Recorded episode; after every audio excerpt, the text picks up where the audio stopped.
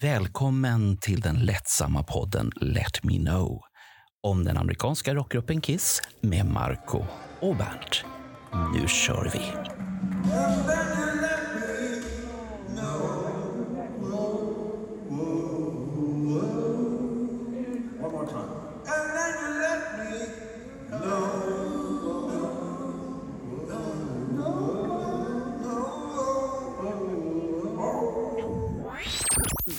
Har vi äntligen tillbaka två gäster som brukar vara väldigt populära. De brukar göra så att vi får väldigt många lyssnare.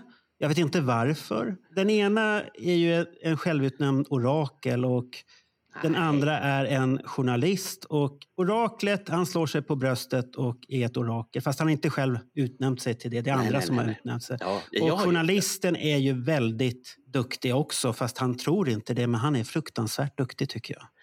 Det Så mest, att det, det men, mest- men jag tänkte börja innan du blir alldeles till det här nu Bernt. Som Jag, jag hör att du ligger i, i startblocken här och alldeles ja, ja, ja, till det här. De- med- Så med tänkte jag bara göra en alltså. kort presentation som jag hittade på deras första bok. Sen har jag förkortat den lite, men jag tycker den är rolig. Sen 1973 har Kiss fascinerat, kittlat och fängslat miljoner av människor. Två av dem är vapendragarna Alex Bergdahl och Carl Linnaeus som vikt sina liv åt ett metodiskt granska ett band som ofta har friserat verkligheten. Om två vänners vilda jakt på sanningen om att drabbas av ett sjukligt specialintresse om att leva med Kiss Alex Bergdahl är SVTs Kiss-orakel som sedan vå- våren 2015 ligger bakom den hyllade podden Alex Room Service. Carl Linnaeus har sedan 2009 intervjuat medlemmarna och skrivit flera böcker om bandet. Kan det här vara sant? Ja, det, nu är de här, så välkomna!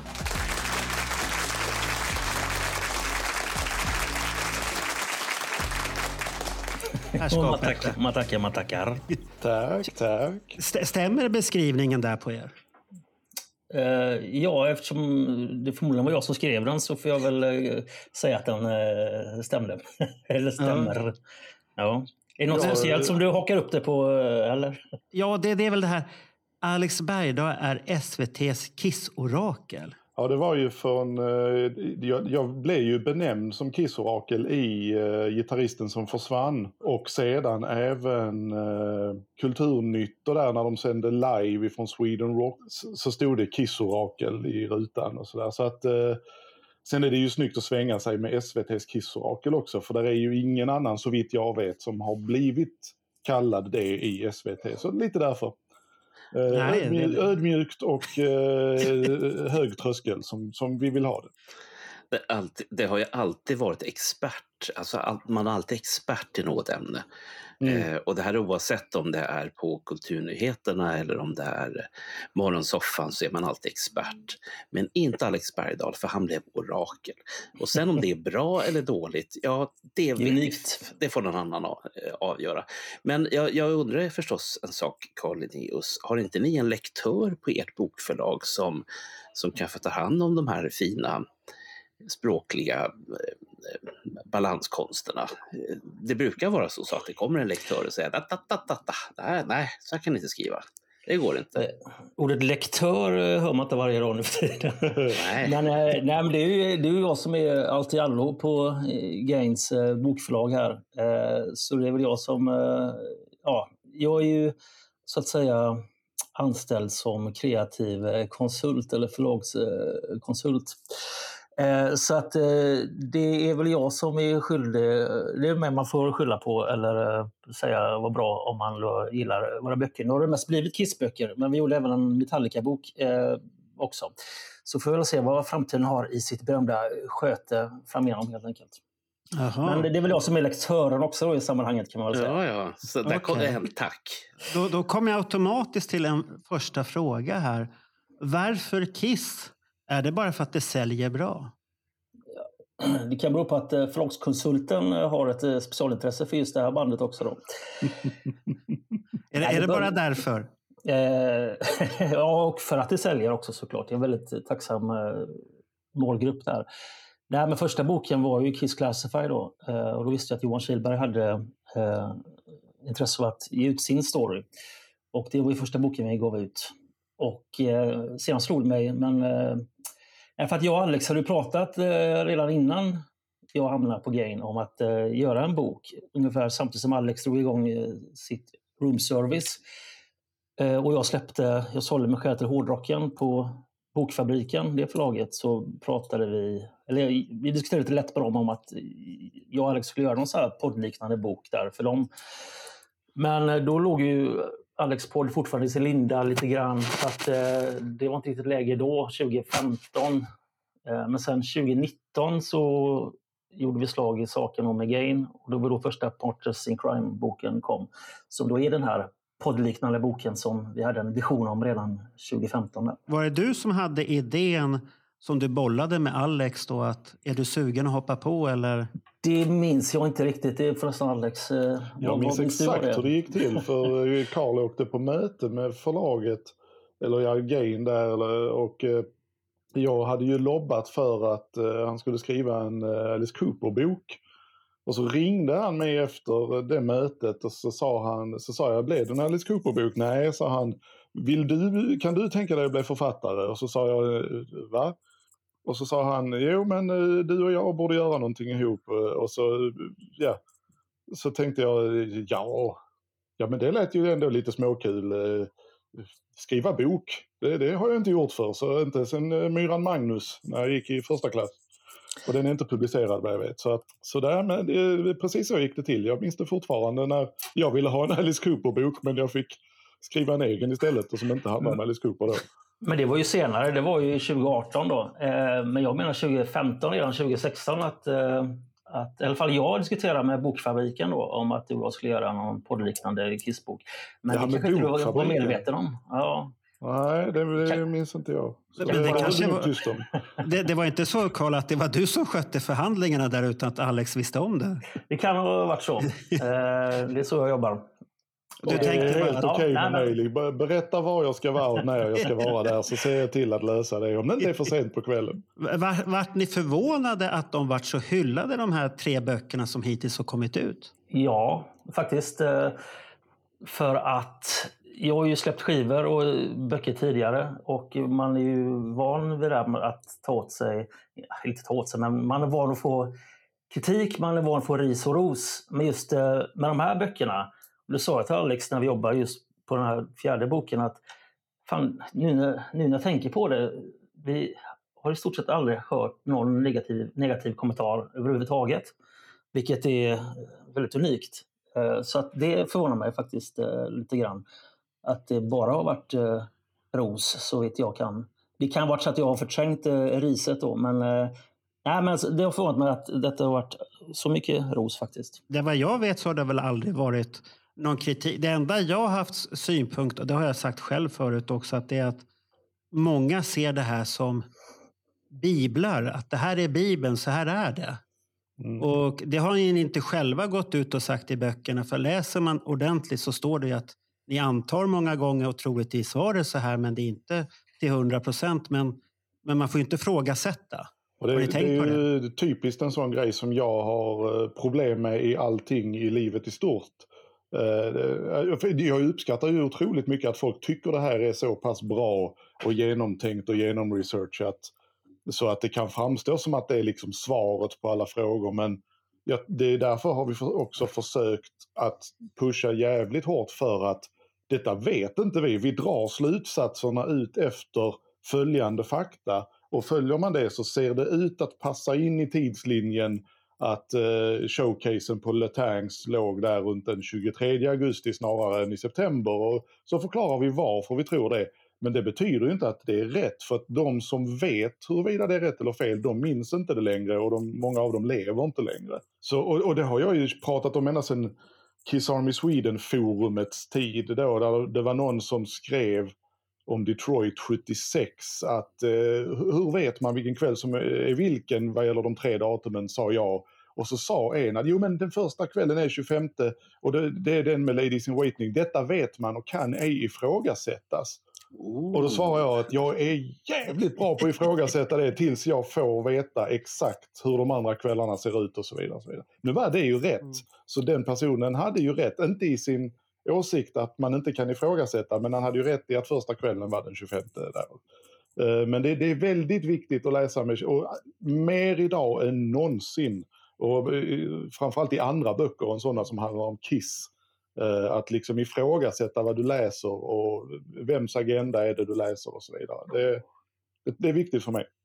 Ja, för du, du har ju skrivit många eh, turnékrönikor i Destroyer, kommer jag ihåg. Och de, Mm. de har vi ju lagt upp och vi hade ju en tid då vi la upp gamla artiklar på vår hemsida som man kunde läsa när inte tidningen fanns längre. Men där var det ju problem att det var ju en väldigt så här aggressiv ton många gånger. tog ju bort att man inte kunde kommentera. Mm. Och det vart, och det vart ju ett jävla tjafs på forumet kommer jag ihåg då också. Att, var, varför ska det bli så? Ja, men nu, nu vill han inte att det ska vara någon diskussion och sen har vi ju tagit bort alltihopa nu för tiden. Så nu finns det ingen spår överhuvudtaget utav de artiklarna på nätet längre. Så att man måste äga tidningarna då.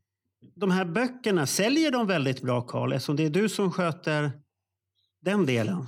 Eh, ja, det är jag som eh, sköter försäljningen eh, bakluckan på min bil. Nej, men, eh, nej, men de säljer ju eh, de säljer bra. Eh, de säljer ju slut, vilket eh, Mm. är lika med att de eh, eh, säljer så mycket som vi kan hoppas på. De här förhandsbokningarna, hur många procent utav er upplaga har redan gått iväg på det? Eh, I regel så brukar väl nästan hälften gå åt, eh, åt förbokningarna. Så det känns ju tryggt att veta att intresset finns även för den här boken. Jaha, det är ändå så många som tvekar och förhandsbokar när man ändå får de här grymma affischerna som ni har tänkt till och alltihopa där. Och, ja, det är Ja. konstigt tycker jag att man tvekar. Har, har ni tänkt någonsin på det här med crowdfunding som de gjorde i USA? Det här med Magic-boken där. Ja, precis. bra. Det, är- det är ett bra exempel. eh, nej, men jag har riktigt förstått tanken eh, med det. Kanske om vi hade gett ut den här boken själva, jag och Alex, eh, så hade det väl kanske varit en idé. Eh, sådär om man vill ha ett startkapital. Men nu eh, har vi ju det eh, via Gain, så att vi behöver inte någon sån crowdfunding. Eh, vilket bara känns rätt rörigt att hålla på med. Så att det är jag glad att vi slipper. Ja, för Magic-boken var det ju väldigt rörigt.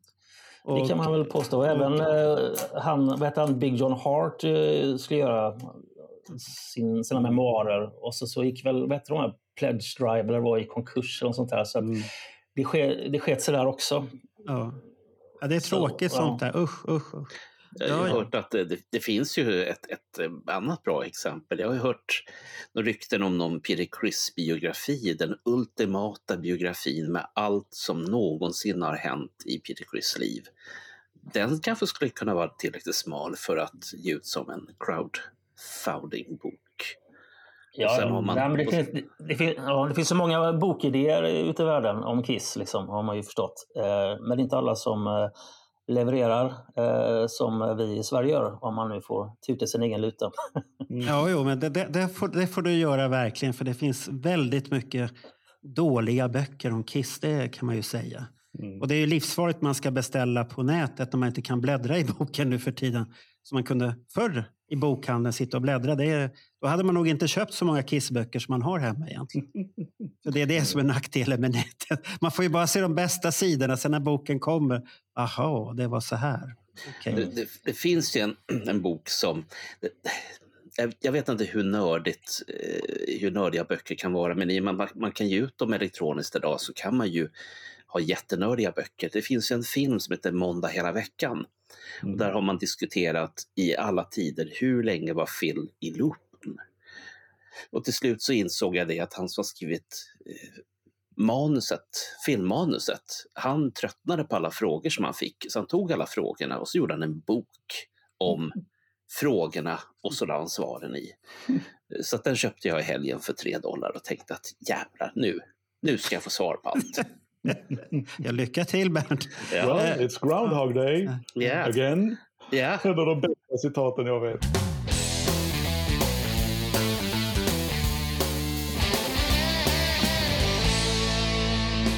Eh, vem är det som tar första steget till att börja en ny bok alltid? Det är lite olika. Eh, det har väl varit jag eh, i de tre första fallen här. I det fjärde fallet nu, den här Time Traveler som kommer, så eh, den börjar lite trevande den här boken kan man väl säga. Efter den, sista, dyna, efter den sista dynastin så kände väl Alex sig rätt nöjd tror jag. Mm. Men jag tror det var i juli 2022 Just det, då hade ju Sista dynastin precis kommit ut.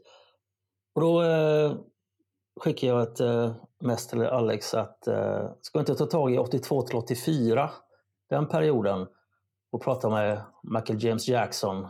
Jag skrev till Alex där. Och då eh, svarade Alex, eh, ja, jag brinner inte så mycket för den eh, eran, men däremot ska vi göra någonting om eh, bandet Chris. Så tänkte jag, men fan det är lite väl smalt kanske. Och sedan så gick Michael James Jackson och dog eh, senare på sommaren. Så tänkte jag, fan. Så då la jag det på, eh, la den idén på hyllan helt enkelt. Men sen var det nog faktiskt Alex som eh, hörde av sig någon gång där på hösten och eh, kände att nu ska vi inte köra en sista gång, nu är jag redo, nu har jag tid. Var det inte så? Jo, framförallt så var det ju Tiden är ju min fiende nu har jag märkt på, på många plan i livet. Eh, samtidigt som jag då lider av en eh, mycket, mycket svår, eh, vad heter det, OC, OCD någonting eller vad sådär. Nej, det är det man skriver. OCR heter det man skriver på faktor. I alla fall, jag, jag, jag har mycket, mycket svårt att lämna saker ofullbordade. Och vi hade gjort tre böcker.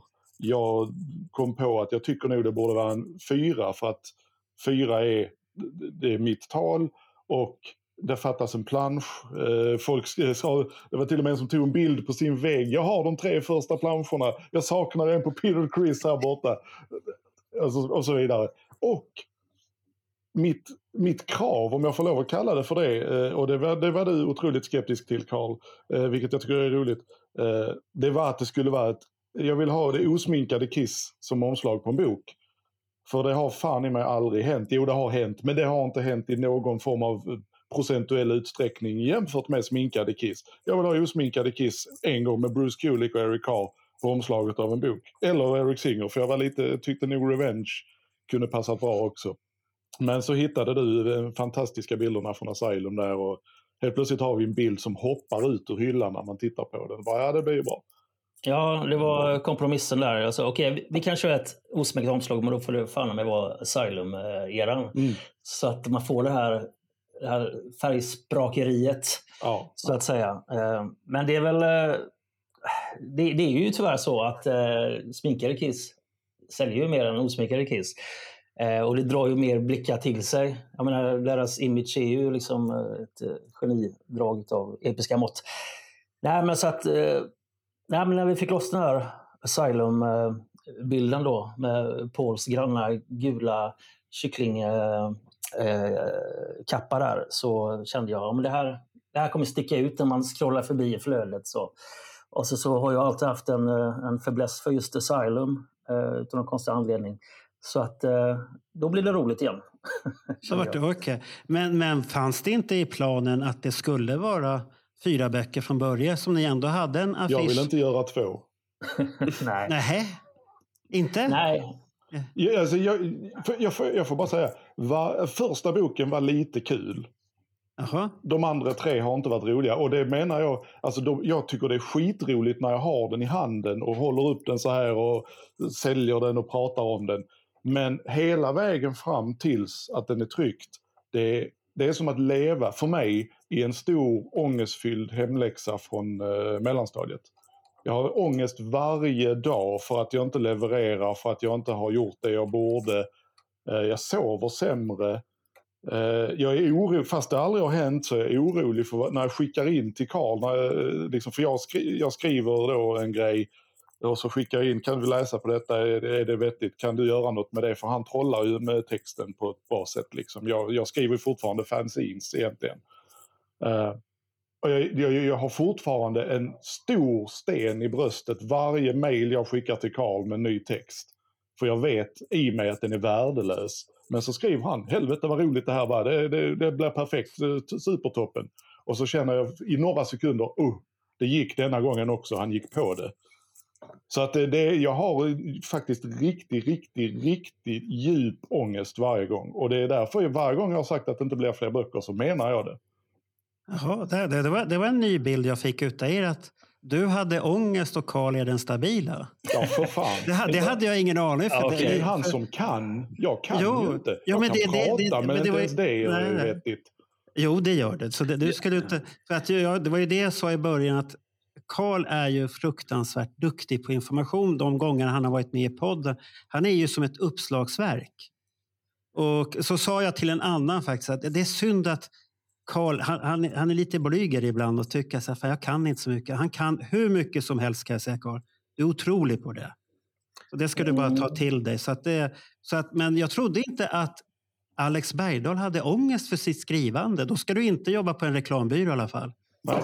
För då hade du haft magsår för länge sedan. Alex, Ge mig jag- en mick.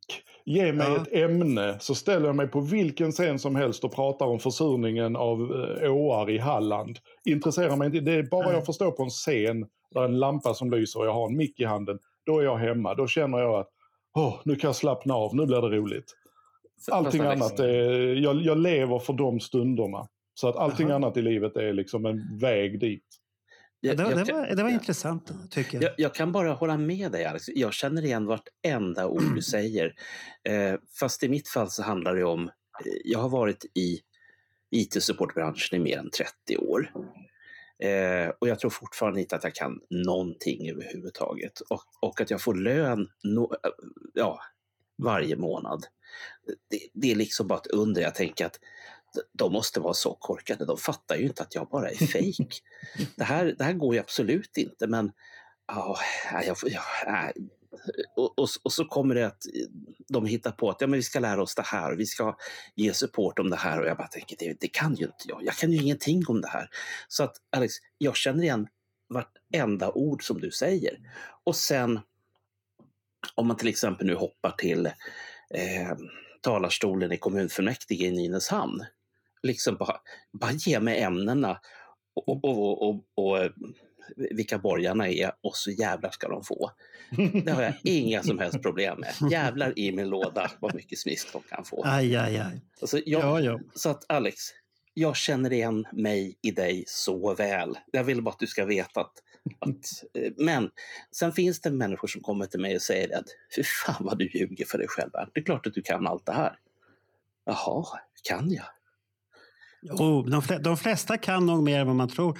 Men när ni har gjort en bok klar där, då, då har jag förstått att Alex känner sig befriad från bojorna och han kan gå ut och marknadsföra den och inte behöver tänka. Men vad gör du då, Carl? Går du in på nästa projekt då? Ja, typ. Jag att kalla mig för den stabila i den här relationen är kanske att ta i. Eh, alltså, hela mitt eh, liv är ju en eh, skapande ångest och prestationsångest utav, utav stora mått. Eh, men jag vet inte, det hör ju det kreativa till på något sätt.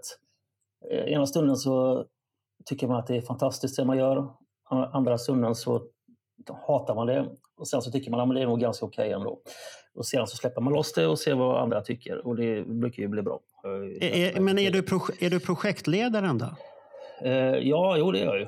Eh, För, Ja. för det, kan- det kan jag ju avslöja, i Bernt och mitt förhållande så är det jag som är projektledaren. ja. Och Bernt är den som tackar ja till vad som helst, bara han får prata och synas. Så att, då är han jätteglad. Så att det, är jag som får hålla tillbaka och planera många gånger. Då, då. Och Okej. Det funkar ju. Det, funkar, det, är, det är här som ska vara den här yin och yang kombinationen, att det Mm. funkar. ja, absolut. Och det, och det är väl det som gör det så unikt mellan er två när ni håller på, att det blir det här perfekta kombon. Mm. Ja, men för att återgå till frågan så Mm. har det aldrig varit planen att göra mer än en bok. Sedan när vi kände, eller kanske jag då, eller vi båda kände nog det, eh, när vi åkte bil där hem från Det var väl i eh, bilen i Karlstad, Ja. ja. precis som att, jo men vad fan. Jo, det håller jag med om. Men det var du som kom med tanken, liksom, att det kanske finns mer att göra. ja, vi har ju bara så skrapat på ytan och det går att göra en tvåa med samma upplägg. Och då blev det här med affischerna att eh, jag kände ju han som var där och plåtade på den här konserten i, eh, i eh, ja, södern där någonstans i januari 77. Tulsa va? Ja, just det. Tulsa.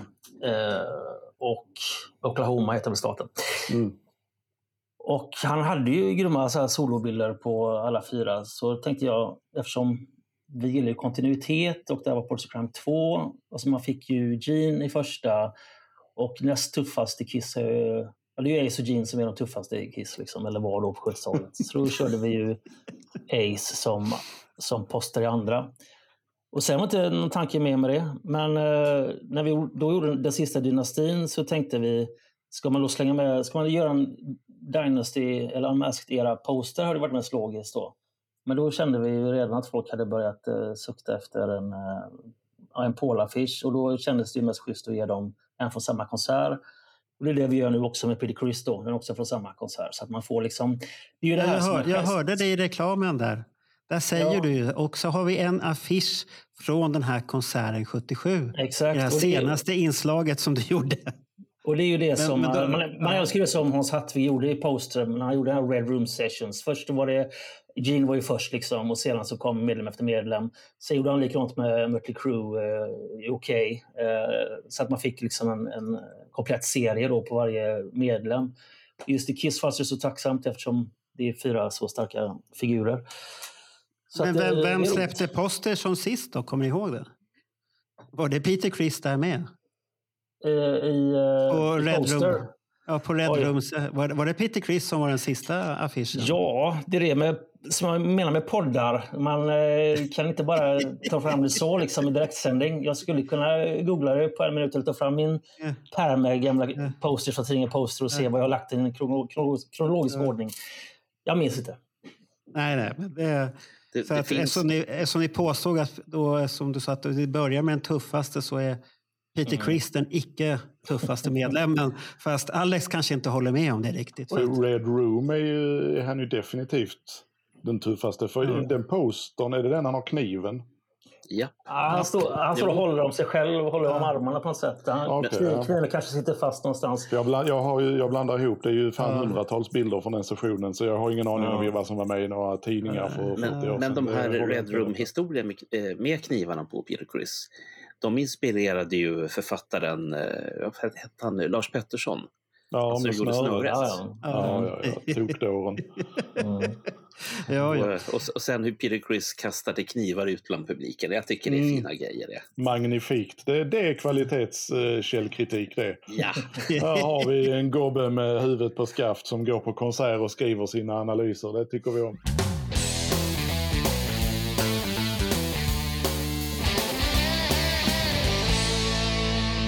Hur söker ni fakta till böckerna när ni äntligen har kommit på att ni ska göra en bok? Hur, hur kommer ni fram till vad boken ska innehålla och hur letar ni upp informationen? Har ni den bara samlat någonstans? Eller? Man får googla.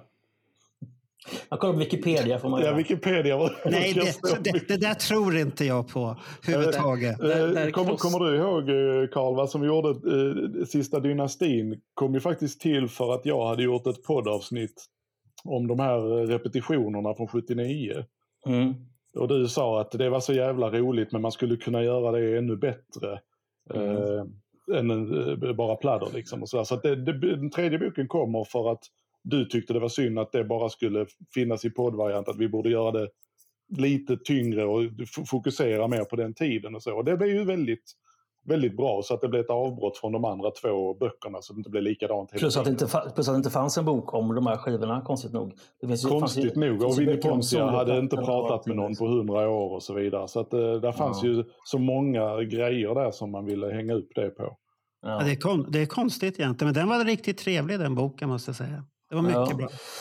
Eh, Och det, och det. En, en fråga som, som kom automatiskt här. När, när ni väljer ut grejer där, hur många procent sannolikhet behövs det i ett utav de här äh, påståendena när det kommer någonting ni ska skriva om att det, för att komma med i boken? Räcker det att det är halvsant som det är free size of the coin, att det är 10 procents sannolikhet ibland i historien eller måste det vara nästan 99 till 100 procent?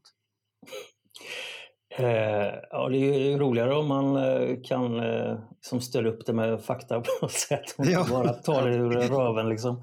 Ja, ni, ni hade inte kunnat tänka er att skriva ett kapitel om påläggen utav Alive och sen där hävda att Bob Kulick faktiskt, han var med där för att rent teoretiskt någon så var det, han ja. i New York och rent teoretiskt var han i rätt ålder och rent teoretiskt så hade han en gitarr. Eller? Ja. Men det är det som, är, som vi också tagit upp tidigare böcker, att det är vanskligt det där med minnen. Att det är mycket, lätt, det är mycket, eh, det är mycket bättre att stödja sig mot, eh, mot eh, kalla fakta liksom, i pappersform och dokument och sådär. För folks minnen är ju som de är. Och det här var ju någon, någon så här städare i studion typ som hade sagt att han såg Bob Kulick där 1975 med Electric Lady. Då, typ. Eh, Så att, ja, nej, det får man väl ta med en nypa salt mycket av det. Då är det ju roligare att dra fram den eh, med Bob... Vi kan ju ta Bob Kulick för Ja. det är ett praktexempel. Eh, På Kiss Alive 2 då är det ju bekräftat att han är med på eh, studiospåren. Men då är det ju också så, det- Kiss bokar ju studiotid och spelade in studiospåren och flera låtar som är med på live-delen. Så Larger than Life spelades in samma dag som Tomorrow and Tonight. Vilket ju gör att man kan fundera på, alltså är Bob Kulick med på Tomorrow and Tonight? Det vet vi inte. Eh, Han var ju bevisligen i studion den dagen. Men huruvida han var där just då, det, kan vi ju inte belägga och så vidare. Men man kan ju fundera på det. För det, det tycker, sånt tycker jag är lite spännande. att eh, Allt är ju inte vad det verkar vara med det här bandet. Det har vi ju lärt oss sedan länge. Jo, jo. Eh, Men däremot så får man inte heller hålla på. Det, det snackas ju fortfarande på forum runt om om de här förbannade trummorna på Larger than Life. Att det inte skulle vara Peter Criss därför att han var inte så bra då och det måste vara Anton Figg fast Anton Figg själv har sagt att jag upptäckte ju Kiss i samband med Live 2 och då är det ju jävligt svårt att spela in trummor retroaktivt tycker jag. Eh, plus att eh, det där argumentet att Peter var inte så bra då, det är ju så, det är ju sånt barndomsargument. Mm. Att man vet att Peter Criss var dålig för han knarkade minsann. Ja men Mm. han var med i bandet. De hade precis avslutat eh, deras mest framgångsrika turné när de spelade in de här låtarna. Det, det, det är så infantil diskussion så att jag får lite, lite näsblod och lite, lite tandlossning när jag tänker på det. Mm. Du ska inte sitta här och hetsa upp dig. Nej, men det, det gör jag när folk är dumma. Med andra ord så behövs det vara 99, helst 99 procents chans, chans att det har hänt. Annars går inte ni ut med saker riktigt heller. Nej, men ibland så kan vi ju skriva liksom att, eh, som Alex sa, där, att det kan vara intressant Ja. att tänka sig. Eh, fundera över det själv liksom, lite grann. Jo, men, men då Så. har ni ju skrivit det där också. Ja, att exakt, det, exakt. Att ni inte är säkra. Ni går inte och slår er på bröstet att Nej, så här är det. Nej, för fan. Nej. måtta Det gör jag inte med någonting. Det, ingenting är sant. Nej, men det, men det är ju det som gör det många gånger intressant tycker jag. Samtidigt som man läser böckerna och går på föredragen. Att man kan få en funderare. Mm. Som ni säger, att man Precis. kan tänka till själv också. Hur, ja, det kunde nog ha varit så. Ja, får du dra dina egna slutsatser. Ja. Som Ja, eh, dra Tommy Bolin sa. Det som jag funderar lite grann på, om vi, om vi nu eh, håller oss kvar med, med Bob, det är ju när Bruce gick ut och dementerade den här live-historien. Men han säger också att jag har allt Bobs material, alltså alla grejer han någonsin medverkade på. Och den listan, skulle inte den vara lite gött att få, få titta lite i? Och så skriva Problemet är väl att det antagligen inte är en lista utan att det är en eh, kassettbandsväska inslängd i en garderob. Omarkerade band. Jag tror inte Bruce Kulick har suttit och fört dagbok över vad brorsan spelade in. Eh, på det sättet som jag skulle vilja att han hade gjort. Utan när han, om han har sagt, jag har inte hört det, men om han har sagt att han har allt material så är jag övertygad om att det är okatalogiserat och eh, inslängt i en eh, ICA-kass någonstans. Liksom. Lite som Ace-kassetter som hon Rachel Gordon hittar och så vidare. Så att, jo, jag vill gärna lyssna men det är inget jag går och tänker på för det kommer jag aldrig att få göra. Det kommer aldrig att läcka ut. Det kommer att dö med Bruce. Liksom. Jag, jag har ju ett, ett minne som inte är så himla gammalt men som för evigt kommer att eh, vara kvar inopererat i mitt huvud. Eh, och det handlar om, jag var på ett Kiss-föredrag i eh, Västerås för inte så länge sedan. Och på det här föredraget så var det föredragshållaren där. Han eh, pratade om eh, när Kiss var som allra, allra fattigast. Och pojkarna går in i- ett ekonomimöte och en av de här pojkarna, eh, basisten i bandet, han har en stor låda med demos. Inte Som på man tar det med sig in i konferensrummet och bara släpper det mitt på konferensrummet. Och, och säger att här är lösningen på allt. Jag, jag, tror, jag, i tror du har, för- jag tror du har förargat Alex här. För du, Ja, du det har var blandat, en du har konstig blandat, sammanfattning av min föreläsning. du har blandat hans rollpresentation. Jag har ju faktiskt jag, jag har ju blivit erbjuden Oscar för min grej med de här demolådan. Eh, Men det, det är ju inte alls i samband med när de var fattiga. Nej. Utan det är ju in, inför skivinspelningen. I Japp. samband med att de var fattiga. Det är mitt under Crazy Nights-turnén sen, 14 januari 88. Kommer du inte att, ihåg det? nu, får du, du, får, du får lyssna noggrannare nästa gång. Men, men, Du får, men du, får läsa, du får läsa någon av de här böckerna, Bernt. Det kanske står lite om det här i nya boken också. Ah, så kan det vara. Men, men det var Västerås i alla fall, så att det inte var i, i Örebro. Det minns jag att det var. Ja. Ja, men det var för väl det. Ja, ja. Kära så- örebroare. Kan, kan vi gå vidare nu, Bernt? Ja, nu Eller kan vi kom- det. För nu, Okej. nu, nu, nu har Ja, jag, ja. gjort, nu har jag Ja. gjort fel igen. Jag, Ja, jag, nu har du gjort fel. Ja. jag, jag, Eh. jag, dem, jag dementerar återigen att eh, Dubai inte ligger i Afrika och, eh, och eh, Alex Bergdahl sa saker på ett helt annat sätt än vad Ja. jag försökte hävda. Så jag, jag, Ja. jag beklagar, jag, jag dementerar.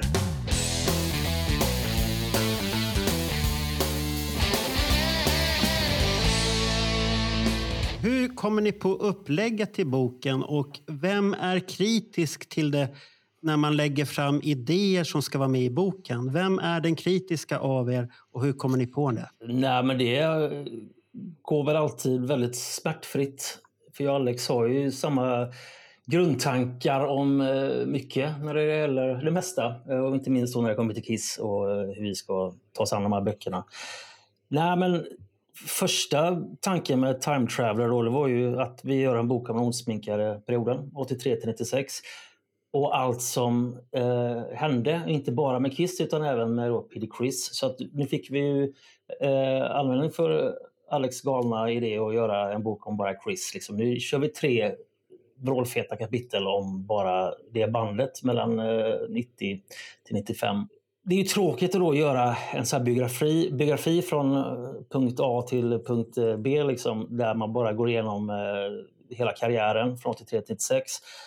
Det är mycket roligare att göra små nedslag. Det var då hela den här idén med Time Traveler föddes. Att eh, vi åker och gör nedslag i vissa händelser i eh, Kiss-historien som vi eh, presenterar på ett hyfsat kronologiskt vis. Fast det är liksom inte hela storyn så. Eh, det är mycket roligare och mycket lättare och mycket roligare att läsa tror jag en sån här bok där man kan liksom hoppa mellan kapitlen lite grann eh, som man vill.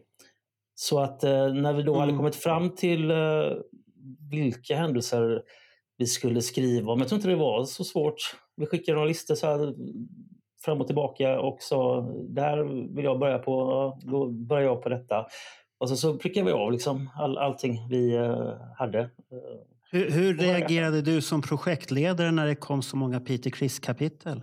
Jag, har ju- jag har ju sett på det där. Vågade du säga någonting till Alex då att det, det, det här kanske är lite för mycket Peter Criss? Inte alls, tvärtom. För att hela grejen med, med Chris det är att jag lyssnar mycket hellre på Alex poddande om Peter Chris och då bandet Chris eh, än vad jag lyssnar på materialet som han spelade in. Och det säger ju en hel del, tror jag. Eh, för att det är väl ingen som vill påstå att eh, det var några eh, hits på de här skivorna och det är inte det som är eh, grejen heller. Det är inte det som är intressant. Det som är intressant är ju hur han, hur han kämpade och alla olika turer. För det var ju mycket där som inte jag visste och som inte Alex heller visste innan han började researcha eh, bandet Chris. Liksom. Eh, vad som hände egentligen. Man vet typ, ja med Peter, ja, mellan, han slutade Kiss och sedan så eh, släppte han en skiva här som eh, var halvbra eh, 94. Men det hände så väldigt mycket mellan 91 och 95 innan återföreningen som eh, är skitintressant. Så att det var ju liksom en no-brainer att vi skulle ta med så mycket som möjligt av den storyn i, i boken. Som sagt, för att det, storyn är mer intressant än vad musiken är. Det är det som jag vill komma till. Men vad hade hänt med dig, Alex, om Karl hade sagt att det där ska vi inte ha med? Han Hade hade antagligen fått igenom det. eh, Jag, jag, jag har ju en egen outlet för, för mina värsta diagnoser, tack och lov. Eh, Så att eh, det hade säkert blivit bra ändå, men det, det skulle ju kännas konstigt att, att släppa igenom både Balls of Fire och Alliance och Out of Control i de tidigare böckerna och sen inte vilja ha med detta. För det, lyxen som vi även beskriver ganska mycket i boken var ju att under några få år där i början av 90-talet så hade vi alla fyra originalmedlemmarna ute på turné samtidigt. Om man nu bodde i USA så kunde man gå och se Kiss och Ace och Peter Criss. Och det var första gången som det hände på riktigt. Liksom. Så att det är ju omöjligt, alltså man, man behöver ju inte tycka att Chris är bra, man behöver inte bry sig ett skit om honom, men det är omöjligt som Kiss-fan om man är intresserad av bandets historia på en nivå som är mer än att man har tre skivor och har en spellista på Spotify, så är det ju omöjligt att inte fascineras av det här bandet och alla dess ka- märkliga karaktärer som hittar på så konstiga grejer.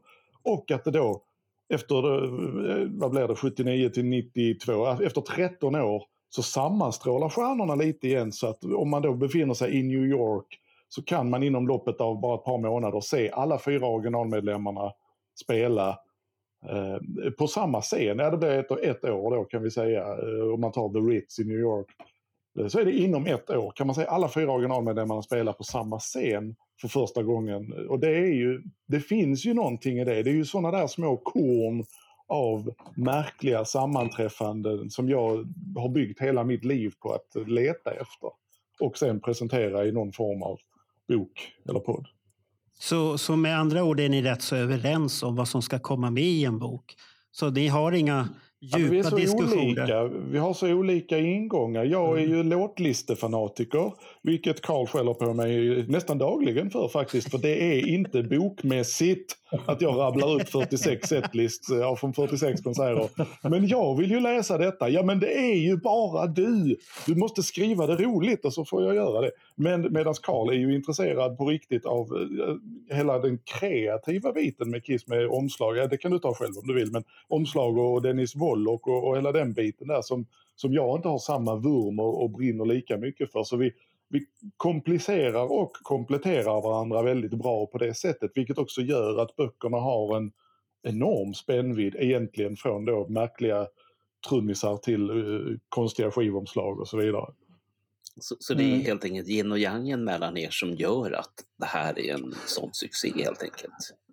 Ja, jag vet inte om det är så väldigt succé, men det är det som gör det så väldigt eh, lättarbetat i alla fall. Mm. För att eh, som sagt, vi, ja, en klyscha är väl att vi har samma mål fast vi har olika vägar att ta sig det här målet. Och, och det är alltså, ja, men det hade, det hade ju aldrig blivit fyra böcker eh, tillsammans med oss två om det inte hade varit så lätt att jobba tillsammans. Eh, Mm. Det hade ju aldrig hänt. Så, eh, nej, men, så är det. Och så har vi som sagt olika intressfärer när det kommer till Kiss. Till exempel, ett av de kapitlen som jag är mest eh, nöjd med i boken det är det om Wendy Williams, första plattan som har många Kiss-kopplingar. Jag tror inte Alex har hört den skivan mer än en halv gång kanske i sitt liv till exempel. Men alltså jag då som gammal punkare tycker att det är spännande med Wendy Williams och sådär. Och just den plattan liksom och sådär. Så då eh, tog jag täten där och Ja. som sagt, Alex tog täten med Chris och sådär. Påverkade den skivan väl dig väldigt mycket när du var ung med sin låttexter som var på den? Eller? De är ju lite speciella. Ja, inte om man... eh, Jag menar, det är väl ingen större skillnad på All Night och I Love Sex and Rock'n'Roll. Det är typ samma, Ja, samma de, har ju lite, de har ju lite värre texter där också, men det, men det, det behöver Ja. inte gå för då blir Bernt alldeles till. Så här. All- Ja, nej, men, eh, jag fick ju ändå OCD av att, de, att man stavar fel till vissa Kiss-medlemmars namn på omslaget. Ja, ja, Jo, men det, det är det som det skapar laget. spänning. Varför, Ja, ja. varför gjorde man det? Och, och sen eh, grejen att man kan inte hålla sams i ett band, men vara med på Wendy och Williams skiva, ja det kan man. Så det är en sån här Ja. fråga som jag... Fast eh, var de det? Eller, ja, det får man läsa om i boken om Ja, eh, ja. hur, De- de kanske hur var där involverade de var. Jaha, det. Eh, Jag, jag var ju inte jätteintresserad och är inte jätteintresserad av denna skivan. men den står här i hyllan bakom mig just för att där står alla namnen. Att eh, det, vi vet att Gene är, har ju typ skapat hälften. Och sen så har vi både Ace och Paul och, och eh, Eric på plattan. Men hur, exakt hur det ligger till hade jag inte en aning om. Men det, det får man ju själv veta i boken. så, så för dig var sticken viktigare och för Karl var musiken viktigare? Exakt så. Okej, ja, ja så, så kan man det också se. Men när ni håller på och letar fakta, då brukar ni intervjua folk många gånger. Och då har jag undrat där, det här är ju personer som är äldre och de har, ska komma ihåg saker som har hänt för väldigt länge sedan. Och det kan man ju själv ha dåligt minne av. Hur är det med det där egentligen? Kom, får man mata, påminna dem eller hur arbetar ni med sådana intervjuer när ni ska intervjua och få fram fakta? Eh, ja, det blir svårare och svårare. Och, eh, ibland så är det så att eh, man kan intervjua samma gubbe, det är oftast gubbar då, eh, som säger en sak ena gången och sen två år senare så säger han en helt annan sak och dementerar det han tidigare har sagt. Eh, och då kan det bli lite jobbigt och sådär. Men då får man liksom pussla ihop eh, alla ledtrådar man har och skapa sig, eh, som sagt, det som jag var inne på tidigare, den ja, så, så nära sanningen man kan komma, eh, helt enkelt.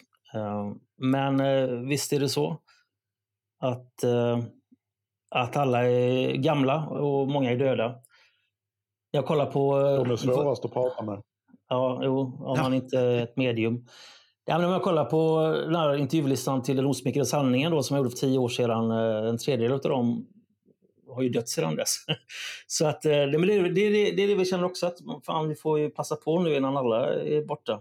Eh, tragiskt nog. Mm. Ja, Det det, blir ju lite grann som eh, de instruktioner man ger till folk som börjar släktforska. Att ta dina äldsta släktingar och intervjua dem nu medan de fortfarande eh, lever och sen ta resten sen. Eh, och jag kan väl tycka att det, det känns som samma sak här. Ta dem i åldersordning eller i risighetsordning eller någonting sånt.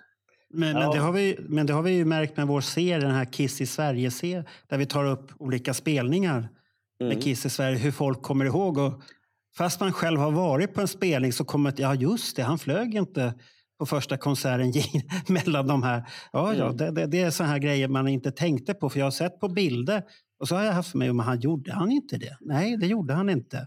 Så att det, det, det är rätt så spännande med olika sådana här grejer när man tänker på det den berömda tv-inspelningen från Gröna Lund som eh, aldrig har funnits eller att Gene Simmons aldrig sparkade ner en finsk fotograf eh, fast folk hävdar att det är så. Ja, det där har du fått mycket ajabaja för nu, Bernt, så nu dra inte upp det där igen. Eh, men de här böckerna som ni har gjort hittills då, vilken har varit den lättaste att göra och den svåraste? Ja, som Alex var inne på innan, eftersom han tyckte att det bara var den första som var rolig att göra så tror jag vi har hans svar där. Jag vet inte. Men eh, den första var ju roligast. Och eh, även den sista dynastin var rolig. Eh, eftersom det var en story som inte har berättats innan så var det spännande, tycker jag. Men den första var nog roligast eftersom eh, vi hade ett nytt koncept. Vi skulle lägga upp det då, hela boken med att vi båda skulle komma till tals och eh, även ha huvuddelen skulle då vara vårt gemensamma berättande. Och, ja, och det var ju verkligen en nostalgifest utan dess like. Eh, så att den var ju roligast, eh, skulle jag säga. Alltså, lättast var ju nog första, för då visste inte jag att, jag kunde, att man kunde må så dåligt. Eh, för då var allting nytt och det var lite kul och, och, och, och det gick ju ganska bra och sådär. Jag skrev ju den för övrigt till stor del i en telefon på ett tåg eh, när jag pendlade från Malmö till Helsingborg, vilket förundrade min arbetskamrat otroligt. Hur fan kan du skriva på en telefon? Jo, men jag, jag, jag skrev den med tummarna liksom. Till, till stor del, kanske till min, min del av boken skrev jag till 75 procent i en mobiltelefon. Men- Ingen korrektur behövdes alls. roligast att göra, det var nog faktiskt eh, 1973-biten i eh, Partners in Crime 2 och Peter Criss-biten i Den sista dynastin. För det är de två kapitlen som jag har eh, legat mycket bakom och som jag själv som jag önskar blir eh, vårt legacy till världen. Liksom. Att, eh, för i, 1973 är det året som jag tycker är allra roligast med Kiss att pilla med. Just för att det finns så lite material. Nu finns det mer och mer material eh, än någonsin men, men det finns ändå inte hur mycket material som helst. Eh, och det är, det är, många aspekter på det som är spännande. Eh, samtidigt så hade ingen sammanfattat det. Vi, vi satt med så många källor, en Kiss Alive Forever, en Kiss Story och Casablanca-boken och så vidare. Men ingen har sammanfattat det och gjort en glob av året 1973 och det gjorde vi. Och när, när, när, den, när det blev klart och jag läste det själv första gången, det kapitlet när Karl hade mejslat färdigt och sa att eh, det här blir nog bra. Så, så kände jag att fan, nu, nu har vi gjort någonting som faktiskt, det här kommer att bli bevarat. Uh, det här är en skitbra sammanfattning. Uh, och sen är jag är ju glad för Chris-grejerna och de, de är lättare att skriva på det sättet att det är grejer som jag har ständigt närvarande i huvudet. Eh, det är lätt för mig att plocka fram, eh, jag kan prata om Balls of Fire när som helst och jag kan prata om låtlistorna på de tre inspelade konserterna och så vidare. Så att det, de har inte så svårt för att få ur mig. Däremot att göra dem läsbara, det har jag otroligt svårt för. För att jag, det bara kommer så himla mycket. Eh, så att det, det får Carl hjälpa mig med och har hjälpt mig med. Men lättast var nog ändå den första för allting var nytt. Sen, sen, sen kom uh, mörkret.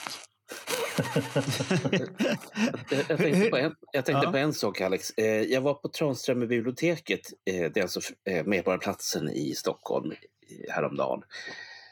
Eh, ganska nytt och det är mycket musik och allt möjligt. Eh, vet, vet ni båda någonting om hur det har gått med inköpet av era böcker till biblioteken. Hur, hur många bibliotek har, har beställt in böckerna och som har dem? Första boken finns på, nu är det länge sedan jag kollade, men det, det, den, det är den som flest har köpt in.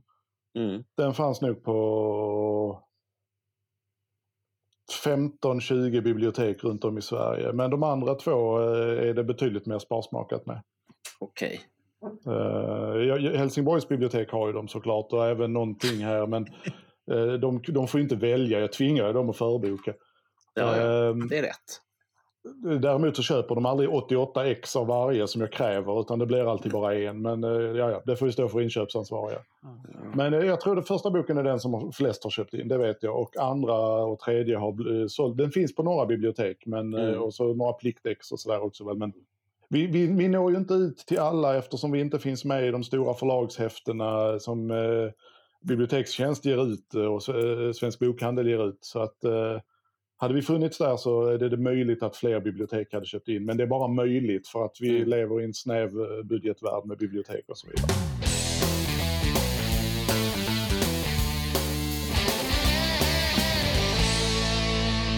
Senaste spektaklet som ska komma nu då, Time Traveller eh, som ni har varit inne på flera gånger redan och rot, rotat på på något konstigt sätt. Jag vet inte varför.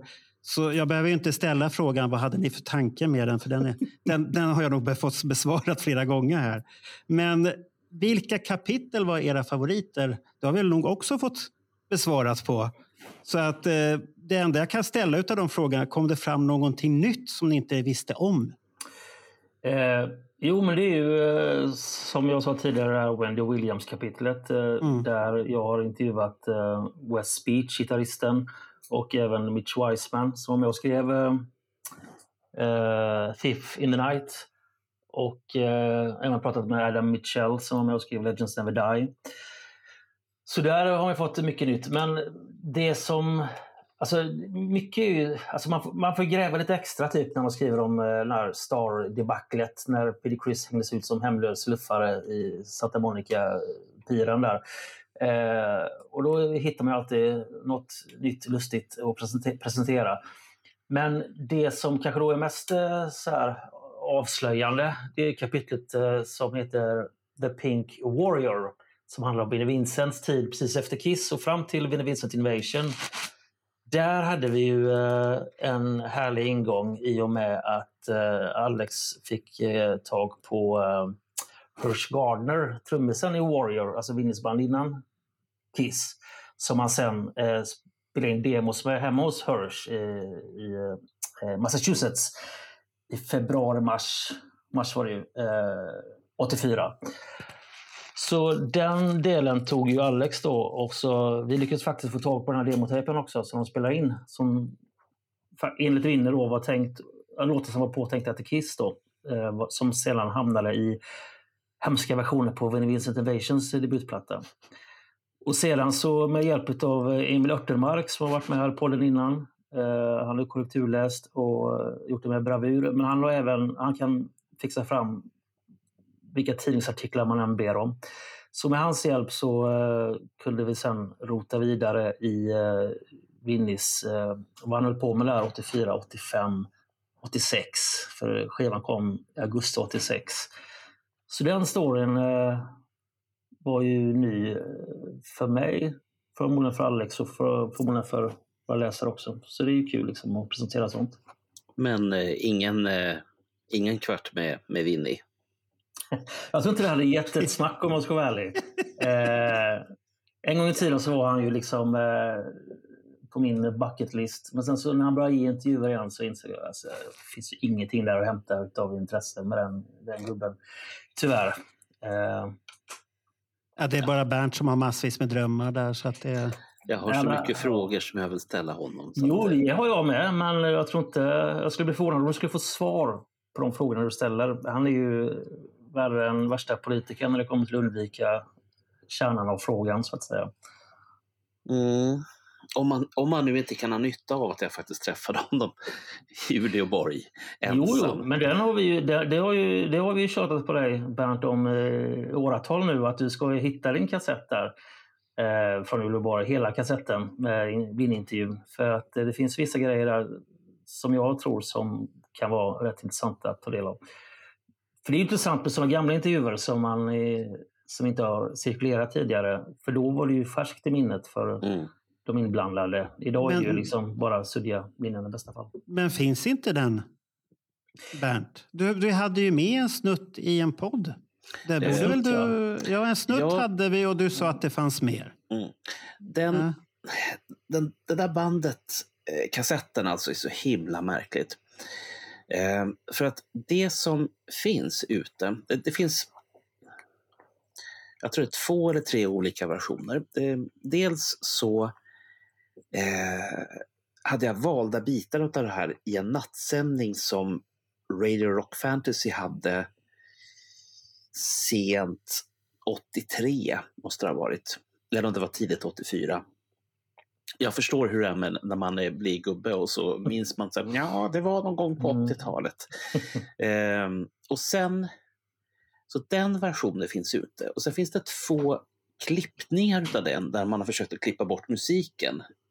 Och sen så har man då och sen så har man då en, en sån här kassettbandare utav ja, vad heter de för någonting, så här dubbelkassettbandare för 200 spänn där det bara brummar om kopiorna. Den har jag hört också.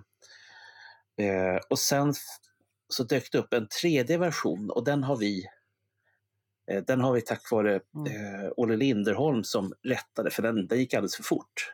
Så att vi, vi alla lät som på, som på 30-talet. Eh, och den har vi kört för, det är väl ett år sedan nu tror jag, eh, Marco. Ja, det var, med, det var med i någonting. Men den är inte den fullständiga heller. Utan det finns en fullständig någonstans i världen. Och vem som har den... Har, har du ingen hemma då? Jag, jag har ett förråd, eh, Mark. Han, han har den hemma, bara att han har rörigt. Det är ja. där problemet är. Han har rörigt hemma. Aj, aj, aj, Den kan ligga i en kassettlåda ja. ute på förrådet. Och då... vi pra- om jag säger så här, jag pratade tidigare med en av gästerna om det där att det är väldigt rörigt hos Bernt ibland. Men vi, vi går inte in på det. det vi går vidare det här. Det vet jag absolut ingenting om.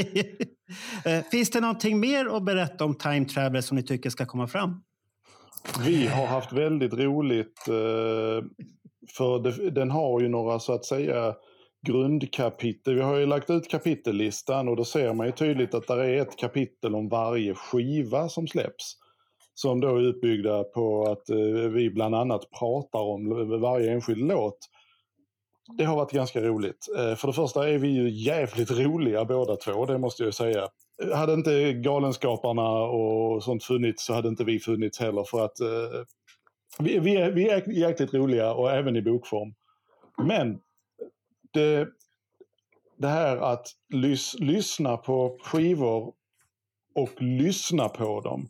Det gör någonting med den också. Det kräver någonting av dig. Det, att, du, att du slänger igång Lick It Up-plattan och festar loss till den en fredag eller någonting. Det är ju en sak. Men att sätta dig ner och lyssna och, och fundera på vad tycker jag om det här egentligen. Det har varit superintressant och har föranlett många diskussion och eh, trätomål i de här diskussionerna som nu återfinns i bokform också. Eh, det tror jag folk kan tycka är lite skoj. Eh, för det var jäkligt roligt att skriva och, jag, och, och jag, det, liksom, det lyser igenom eh, de här samtalen, för det är riktiga samtal som är transkriberade. Liksom. Eh, och det lyser igenom att Fan vad jag tycker Carl är dum i huvudet emellanåt vad gäller vissa låtar. Och han tycker exakt lika samma om mig. Men vi är så jävla snälla mot varandra så vi säger inte det. Vi säger bara app, app, app. Du menar så? Så tycker ju inte jag, ditt jävla knäckhuvud. Vem tycker, vad har ni för olika stilar på låtarna ni gillar då? Om jag du tar en bra låtarna. Om du, om, du, om du tar en typisk Carl-låt som du inte gillar men Carl älskar. Har, har, du någon på listan sådär? Och samma för dig Carl. Har du någon låt som du absolut inte gillar men Alex älskar som du inte förstår varför? Den som kanske bråkar mest om det var nog Every time I look at you. Tried to say I'm sorry I didn't mean to break your heart And find you waiting up by the light of day There's a lot I wanna tell you but I don't know where to start. And I don't know what I'd do if you walked away. Ooh, baby, I tried to make it. I just got lost along the way. But every time I look at matter what I'm going through, it's easy to see. And every time I hold you, the things I never told you seem to come easily. Cause you're everything to me. Okej, okay, det här var ju intressant. Vad var det så för fel på den? Nej, men det får man läsa i boken. Nej, men eh, alltså, jag vet inte. Eh, jag tycker den är fantastisk. Ja, och det tycker inte jag. Det, ja. och, då förklarar, Nej, det gör fan och, då, och då förklarar jag varför Alex har fel eh, och sådär. Så, så jobbar vi. Och sedan det, var, så... det, det vart nästan ångest hos dig. Här. Du såg man på bilden här och försöka förklara det där.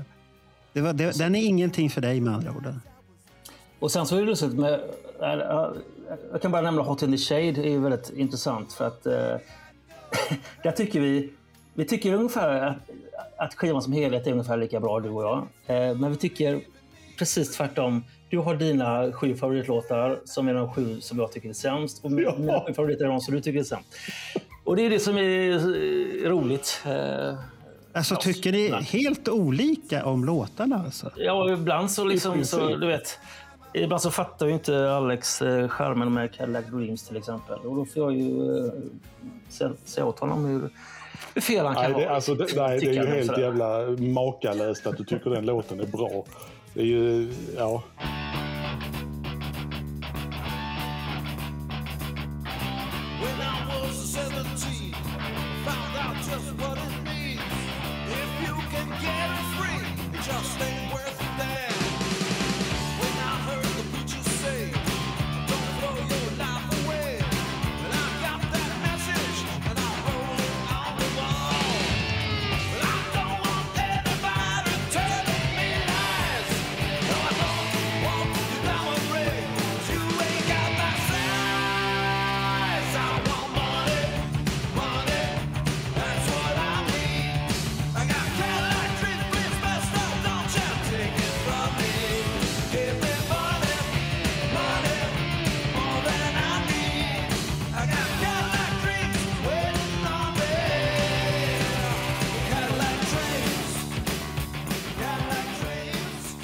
Cadillac Dreams. Eh, det, det tycker jag är en förfärlig låt. Eh, jag tycker skivan Hot in Shade är bra, men jag kan ändå säga att vissa låtar är, borde kanske inte varit med. Den är lite för lång och så vidare.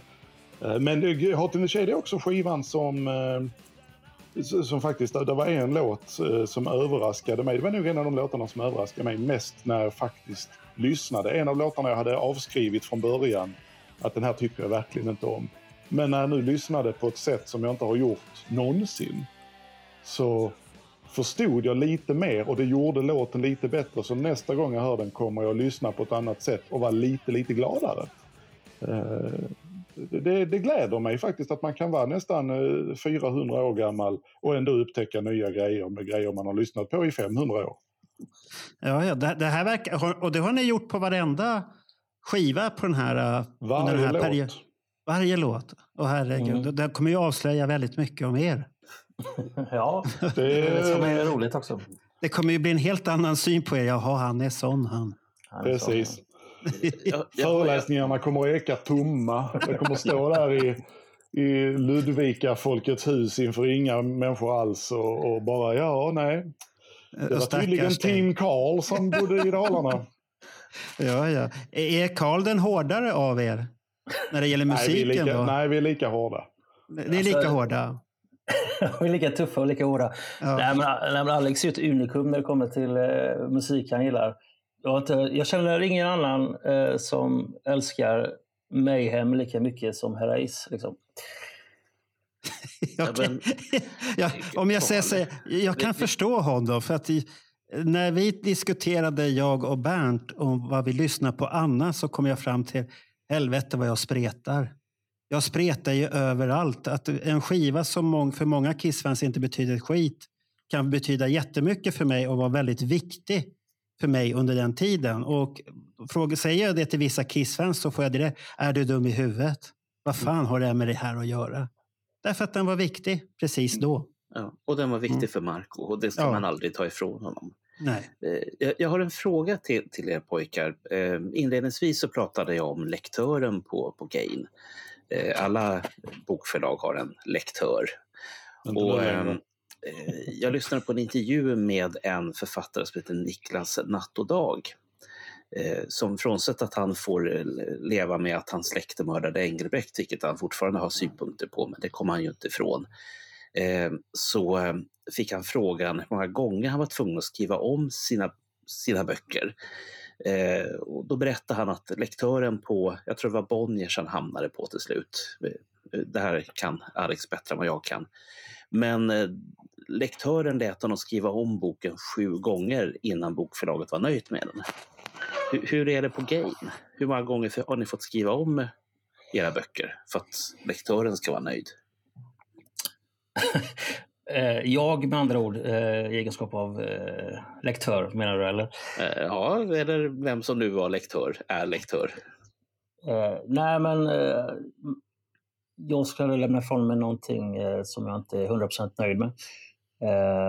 Som jag inte gjort så bra som jag har kunnat. Så, att, så att i och med det så, ja, det är jag som är in charge liksom. Ja. Men det där med att skriva om, jag vet, jag vet inte, det är klart att man skriver om hela tiden, men det är inte så att man eh, skriver om ett helt kapitel som man känner sig nöjd med. Utan eh, det man börjar någonstans och så knådar man och så knådar man och så knådar man tills det blir som man eh, vill ha det. Och det är väl ett, det kan man väl se som att skriva om kanske sådär. Men ja, jag har inte skrivit en roman heller, och så att jag vet inte riktigt hur, hur de jobbar. De riktiga författarna så att säga. Har, har ni några som ni så här superrecensenter som ni litar på som får läsa boken när den, ni håller på och säga till vad de tycker? Nej, men det är ju våra, våra korrekturläsare då, Emil Örtenmark och Ja. Ronny Lundell som kommer med, med åsikter och kritik både när det kommer till språket och när det kommer till eh, innehållet. Och ibland så eh, lyssnar vi, ibland lyssnar vi inte. Men det är ju väldigt, det är väldigt tacksamt att, eh, att få andra ögon och, och, och läsare som har lite Mm. distans till det också.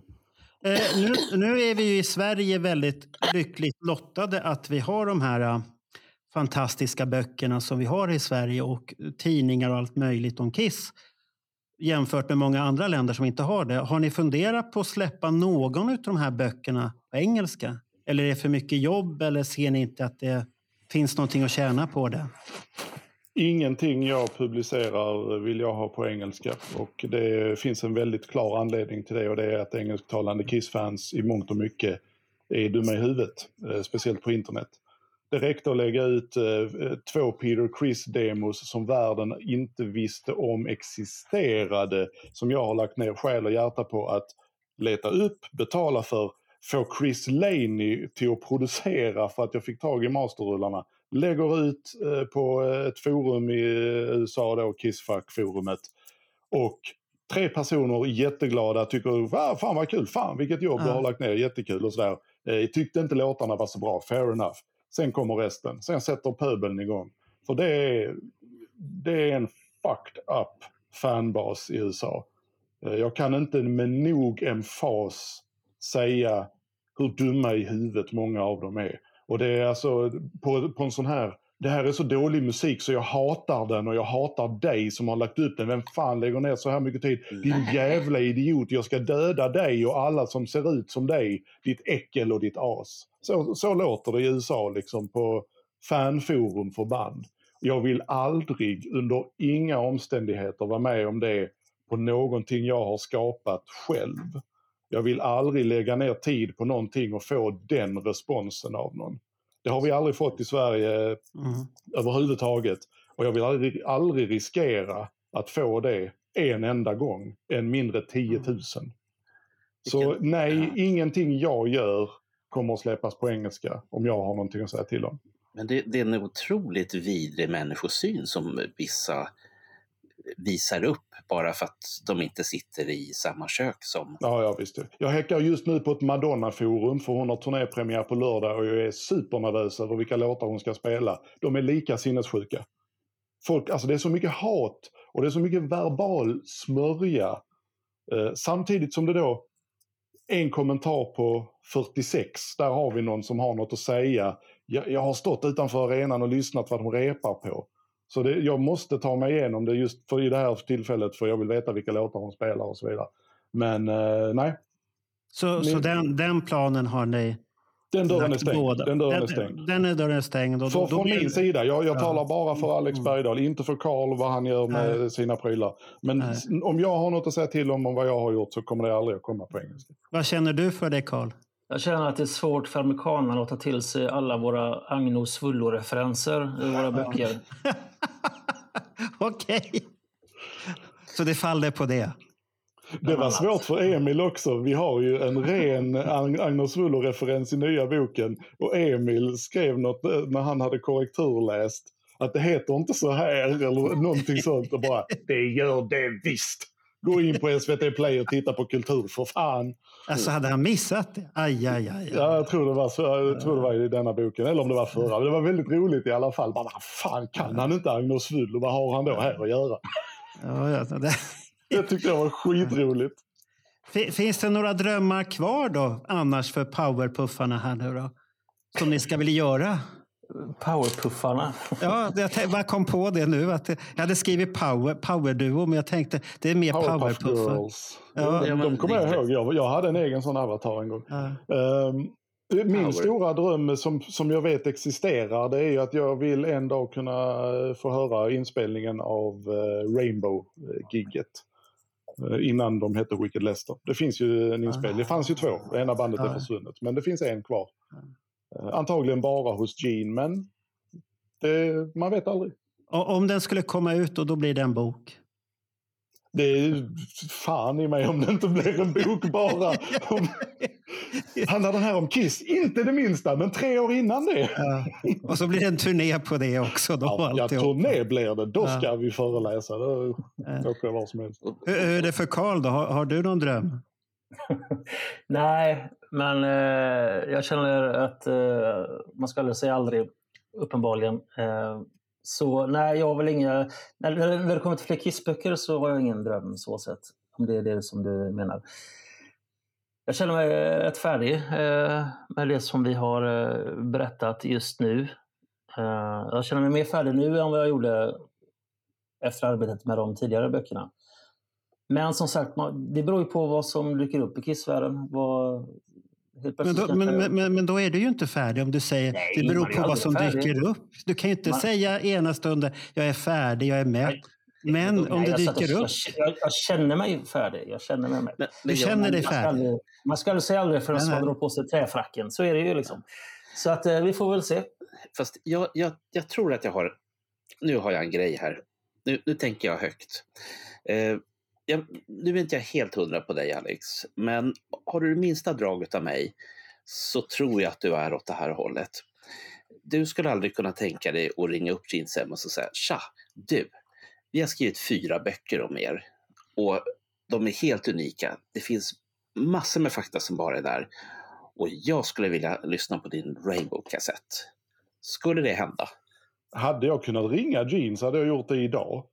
Okej. Eh, Men eh, det funkar ju tyvärr inte riktigt så. Eh, Men du Så hade att, ringt i eh, alla fall, om du hade haft numret. Ja, ja, ja, absolut. Karl, kan du förse Alex med någon Jag hade han väl för fan ringt själv. Ja, det är klart att han hade. Men han har pratat med Gene 71 gånger och jag har, jag har tänkt på det här några gånger. Och jag tänker det att Carl Linnaeus, här har vi bok nummer fem inom räckhåll. Mm.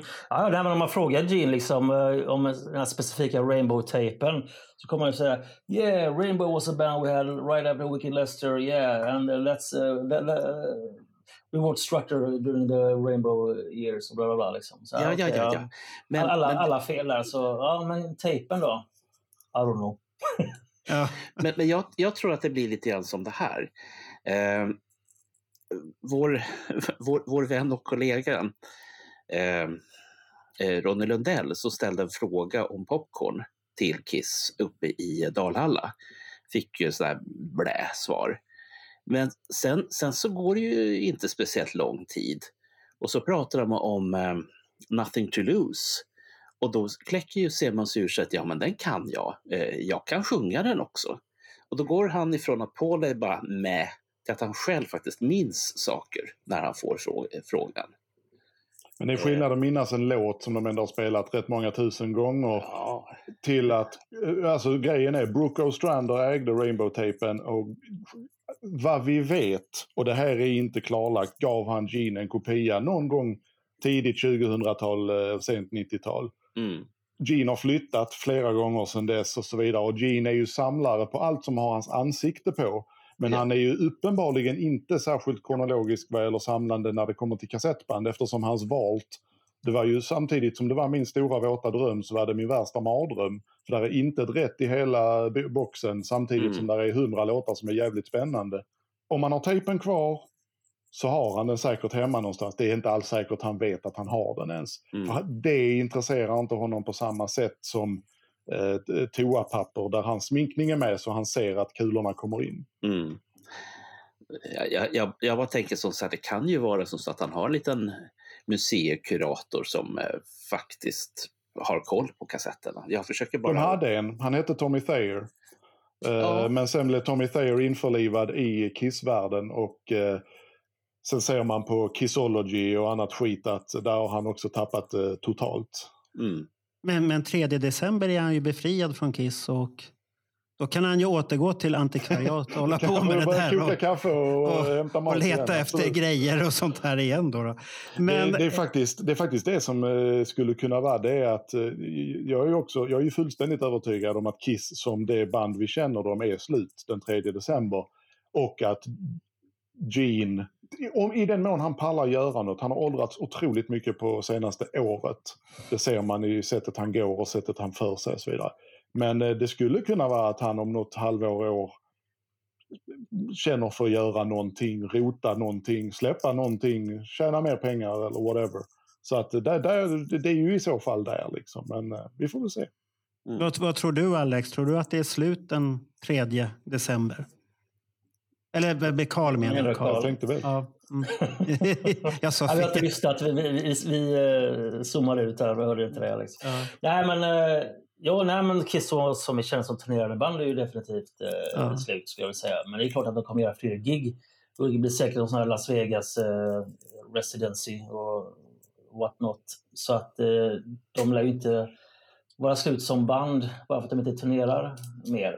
Men eh, det är väl ingen hemlighet att eh, de inte orkar mer eller inte har så mycket mer Men, lust. men liksom. det, det är många som inte ställer den här frågan. Vill de hålla på med sminket något mer?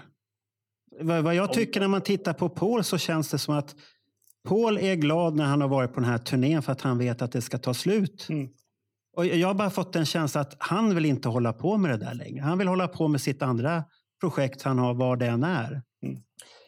Han eh, vill väl tjäna pengar lika mycket som Mm. Gene. Så att, eh, om de får liksom en check på 100 miljoner dollar och så här, ta på dig sminket och dräkterna, kom hit och spela på min dotters eh, bröllop så är det klart att de gör det. Så att eh, så less tror jag inte att han är på sitt Du, du, du tror att han är så lätt, lättköpt? Ja, herregud, det är väl... Pengar är pengar Om, om, du?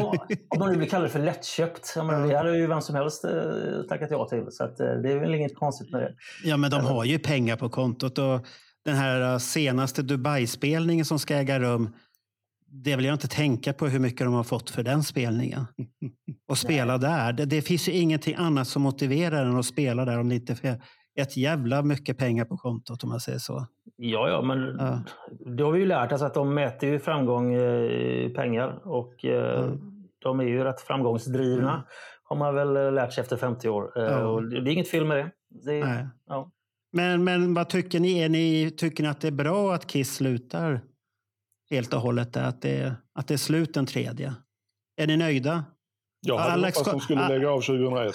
Ja, det förstod jag att du skulle säga. Så att det, men du var ju ändå nöjd efter Göteborgsgigget sist. Jo, men det var ju för Mm. att det var ett, eh, ett uppenbart farväl. Det var ju Ja. inte gigget. Alltså, det var ju soundchecket möjligen. Det, det var ju en fantastisk upplevelse. Men, men konserten var ju, den spelade de för alla andra i arenan utom mig. För att jag var inte där för den, Nej. men den spelades ändå. Eh, jag kunde gått hem efter soundcheck och varit lika lycklig. Liksom. Men det, det är inte upp till mig att, att avgöra på samma sätt tycker jag. Hur, kändes det när Gene pe pekade på dig där och sa att det är han som har skrivit böckerna? Hörde du att han sa det? Ja, jag har sett det på video i efterhand. Det var roligt. Ja, det tyckte jag var, det var mäktigt. Det syntes på dig att du vart väldigt... Det tog någonstans. Det kändes Ja, jo, men det, det, och det är det jag menar. Det Mm. var ju roligt. Men, eh, men det, det har jag sagt så många gånger och det är inget jag bryr mig om längre. Att, alltså, att, att Kiss som kreativt intressant band slutade existera med Reunion, det har jag sagt i alla år. Det är därför min podd handlar om den gör och böckerna Mm. handlar om det de handlar om och så vidare. Mm. Det, det, sen, sen förminskar inte det kärleken till medlemmarna. Det är ju de som har skapat den jag är. Det är ju det är människorna jag tycker om där.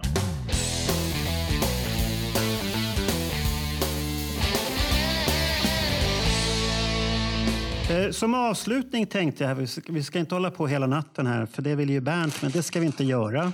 Men som jag tänkte här, eftersom ni båda är författare, finns det någon Kissbok som ni själva är imponerade av och rekommenderar att man ska ha? Som inte är eran, som inte ni har varit inblandade i huvudtaget. Ja, alltså det finns andra Alls, menar du, eller? Okej. Ja, de jag får väl- tänkte ju nämna, för jag har läst den som heter Den osminkade sanningen som jag tyckte Ja. var jävligt Ja, men bra. det får du säga. Det får du säga, för du är den, inte inblandad den vidhåller jag ju är Ja. den bästa, enskilt bästa kronologiska biografin som har kommit om bandet. Men me- mest rätt fakta, det var bara en liten låt där från Animal Eyes som blev lite fel. Men det, det, det får han ta på sig, författaren. Och, och den var du tvungen att nämna där nu. Nej, nej, jag sa inte det. Så att, eh, det behöver vi inte prata om. Nej, men eh, Kiss Alive Forever är ju boken som har skapat vem jag är eh, de senaste 25 åren. Ja.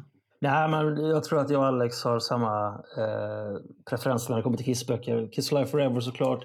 Och eh, Chris Lentz eh, Kiss and Sell. Och eh, ja, dels då, jag vet inte om jag sa det förra gången jag var med i podden, men Kiss and Sell är ju fortfarande eh, viktig, inte bara för faktamässigt och att man får en annan syn på, på maskineriet bakom Kiss utan för att han skriver så bra. Han har ju så extremt detaljminne, fotografiskt minne, så att han kan måla upp miljöer också mitt i, mitt i detta. Så det är en Mhm. kanonbok på alla sätt.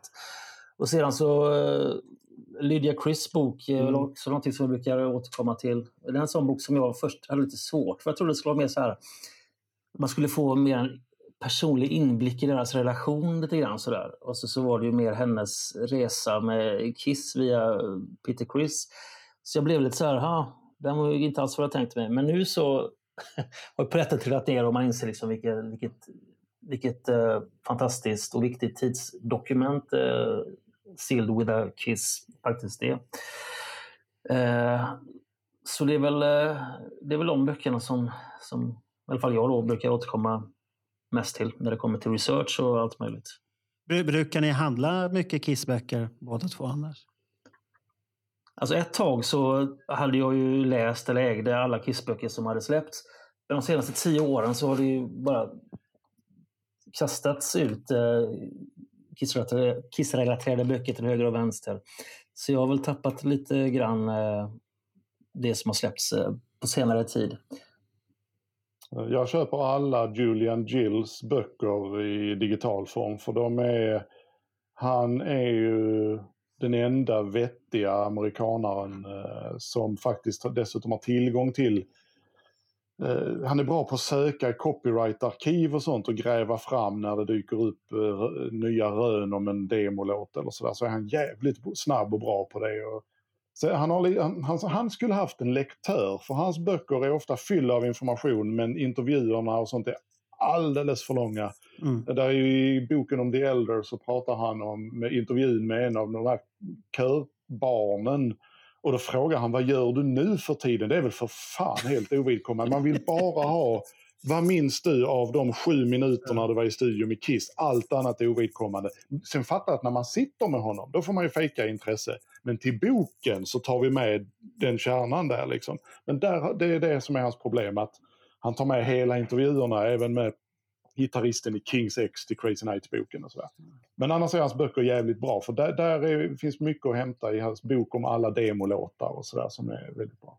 Så de köper har- jag allihopa. Ja, där har du något att söka till Karl när det här började det här projektet med Alex börjar ta slut här nu. Så ringer du Julian Gill och säger jag, jag kan hjälpa dig att få de här böckerna bra. Mm. Det, det, jag, jag kan hålla med dig att det är det sista klämmen som saknas på hans böcker. Där, för Mm. att det, det känns som att det är råmaterialet du läser hela tiden. Exakt, informationen Ja. finns där men Mm. du skulle behöva någon som Ja. samlade ihop det och gjorde det fantastiskt.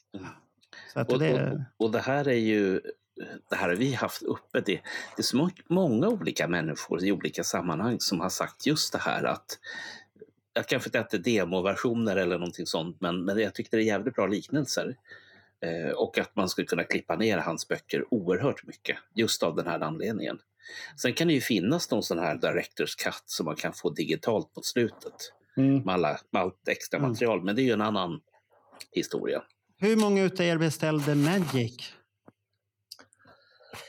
Jag, eh, som sagt, har aldrig varit så här jätteförtjust i, den här, i det här pledgandet. Så att jag tänkte, när boken finns så eh, absolut, den ser jätteläcker ut, då köper jag den. Eh, Men jag väntar fortfarande på att få tillfälle att köpa den. du, du gjorde inte som en annan, beställde den där för 1500, någon superlyxversion och så, ja, det är pengar som är borta. Jag tror Mm. aldrig jag kommer få se dem och jag kommer aldrig få se någonting överhuvudtaget på den biten. Alex, du beställde den inte heller. Nej, mitt problem var väl att jag satt ju på en stor del av, inte alla, men på Ja. en väldigt stor del av bilderna redan som han skulle publicera, som jag visste var liksom unika och ovanliga. Och alla de här från nyårsafton 73 som han Mm. skulle gjort ett så stort kapitel om och så vidare, för det finns ändå över hundra bilder från ett enda gig. Men eh, nej, samma, för mycket pengar och eh, ja, fotoböcker och jag är inte så... Till slut blev det bara en massa närbilder. Så nej, jag, jag hade också velat se den i handen först. Eh, Så jag, jag höll mig undan faktiskt. För det blev rätt hög Ja. frakt och så vidare. Ja, den, Nej, den, jag den, den var dyr. Den var dyr som attan, den boken. Så, eh, Och, Jag hör Bernt, att, och du funderade aldrig på den Bernt, för då var du i garderoben har jag för mig. Ja, eh, jag läste om den och, och tänkte liksom, vad är det här för någonting? Och det var väl när jag började kika ut och så förstod jag inte grejen med varför ska man betala i förväg? Vad är grejen? Det var ju tur att du var där inne, för det räddade ju dig från 1500 spänn mindre på kontot. Ja, eller, eller Det var det en, enda positiva eg- grejen med garderoben. Jag, jag kan säga att jag har Så- köpt en sak på Pledge. Och den har jag använt tre gånger tror jag. Det är en eh, bokskanner. För jag fick för mig att jag skulle skanna av alla mina kokböcker och sen eh, hiva dem. Eh, den är fantastisk. Man tar boken, man lägger den under bokskannen, man fotograferar av den, man osärar den. Har jag använt den? Nej. Den står i köket och väntar. På någon.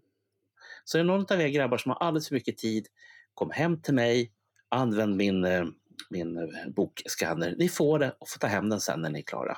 Jag bjuder. Schysst. Ja, Jag, är bara chockad. Varför köper man en sån grej? Ja, jag förstår ingenting. Nej, men jag, jag, jag, hade ju en, jag hade ju en vision. Ja, ja, du, den visionen får du spara för nu ska Alex gå och sova. Så nu, nu är det slut på det här. Vil- Vilken var världens första crowdfundade skiva? Alltså, har man gjort det på skivor? Herregud, det är ju det alla band gör nu. Vilken är den Ah. första? Ingen aning. Det är jag som ställer frågan, det är inte skitsvårt att lista ut. Jag kan, kanske skivan är svår att lista ut, men inte bandet. Jag, jag vet, vilk, jag vet vilken jag är det inte... din den här uh, poddskivan du släppte? Nej, Nej, Nej, den det- betalar jag ur egen ficka. alltså den betalade du egen. Inte vet jag, jag har ingen aning. Jag, jag väntar faktiskt fortfarande på att kunna få crowdfunda. Eh, Det finns en, en liveplatta som heter Live in Boston har jag hört.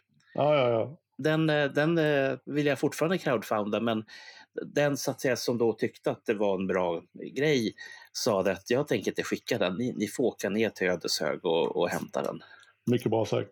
Första crowdfundade skivan någonsin, Marillion.com år 2000. De hade inte råd att spela in en ny platta. Det här bandet som ändå är ganska stort idag igen, eh, det var på dekis. Så de fick folk att skicka in pengar. Kunde spela in en skiva och släppa den. Det är det första. Och sen var det en massa andra artister som bara “Vad gjorde ni sa ni?” och sen helt plötsligt så exploderade det.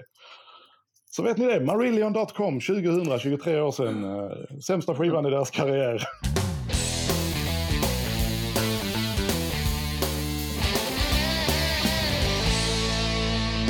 Men har du någon mer fråga eller ska vi tacka författarna här nu?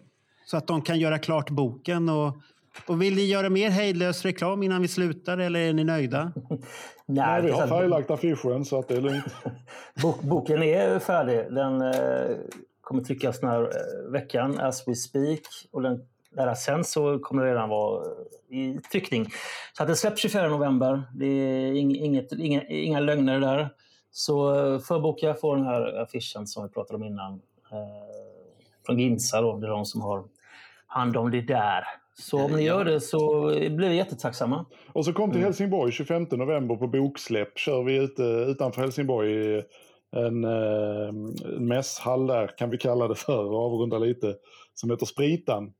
Där det finns en eh, skiv retro vinylaffär med roliga prylar och så vidare som jag där känner ägaren. Det var där jag hade skivsläppet också för övrigt. Jaha, är det releasefesten där då? Eller? Precis, så det kommer folk från Helsingborgs stadsteater och spelar akustiskt. Precis som vi hade när vi satt hemma hos mig och körde Partners in Crime 2. va? Ah, Mm. Så Tobias och en annan kille denna gången eh, kommer och kör och de eh, kör låtar från denna tiden då eh, som jag har förstått att de ska göra. Så att det, det kommer bli skitroligt. Vi är där hela dagen 11 till 16.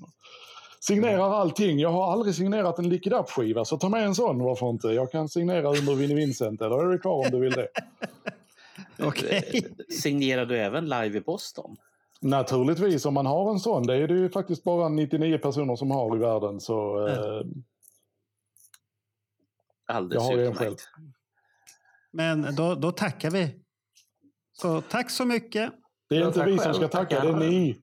Nej, vi tackar Jo, er för att vi, ni har ställt tackar. Jag, jag, Tackar, tack, tackar. jag tackar jättemycket. Det ska ni Ja. ha väldigt klart för Tack er. så mycket. Tack att ni kom och ställde upp i alla fall. Sov gott!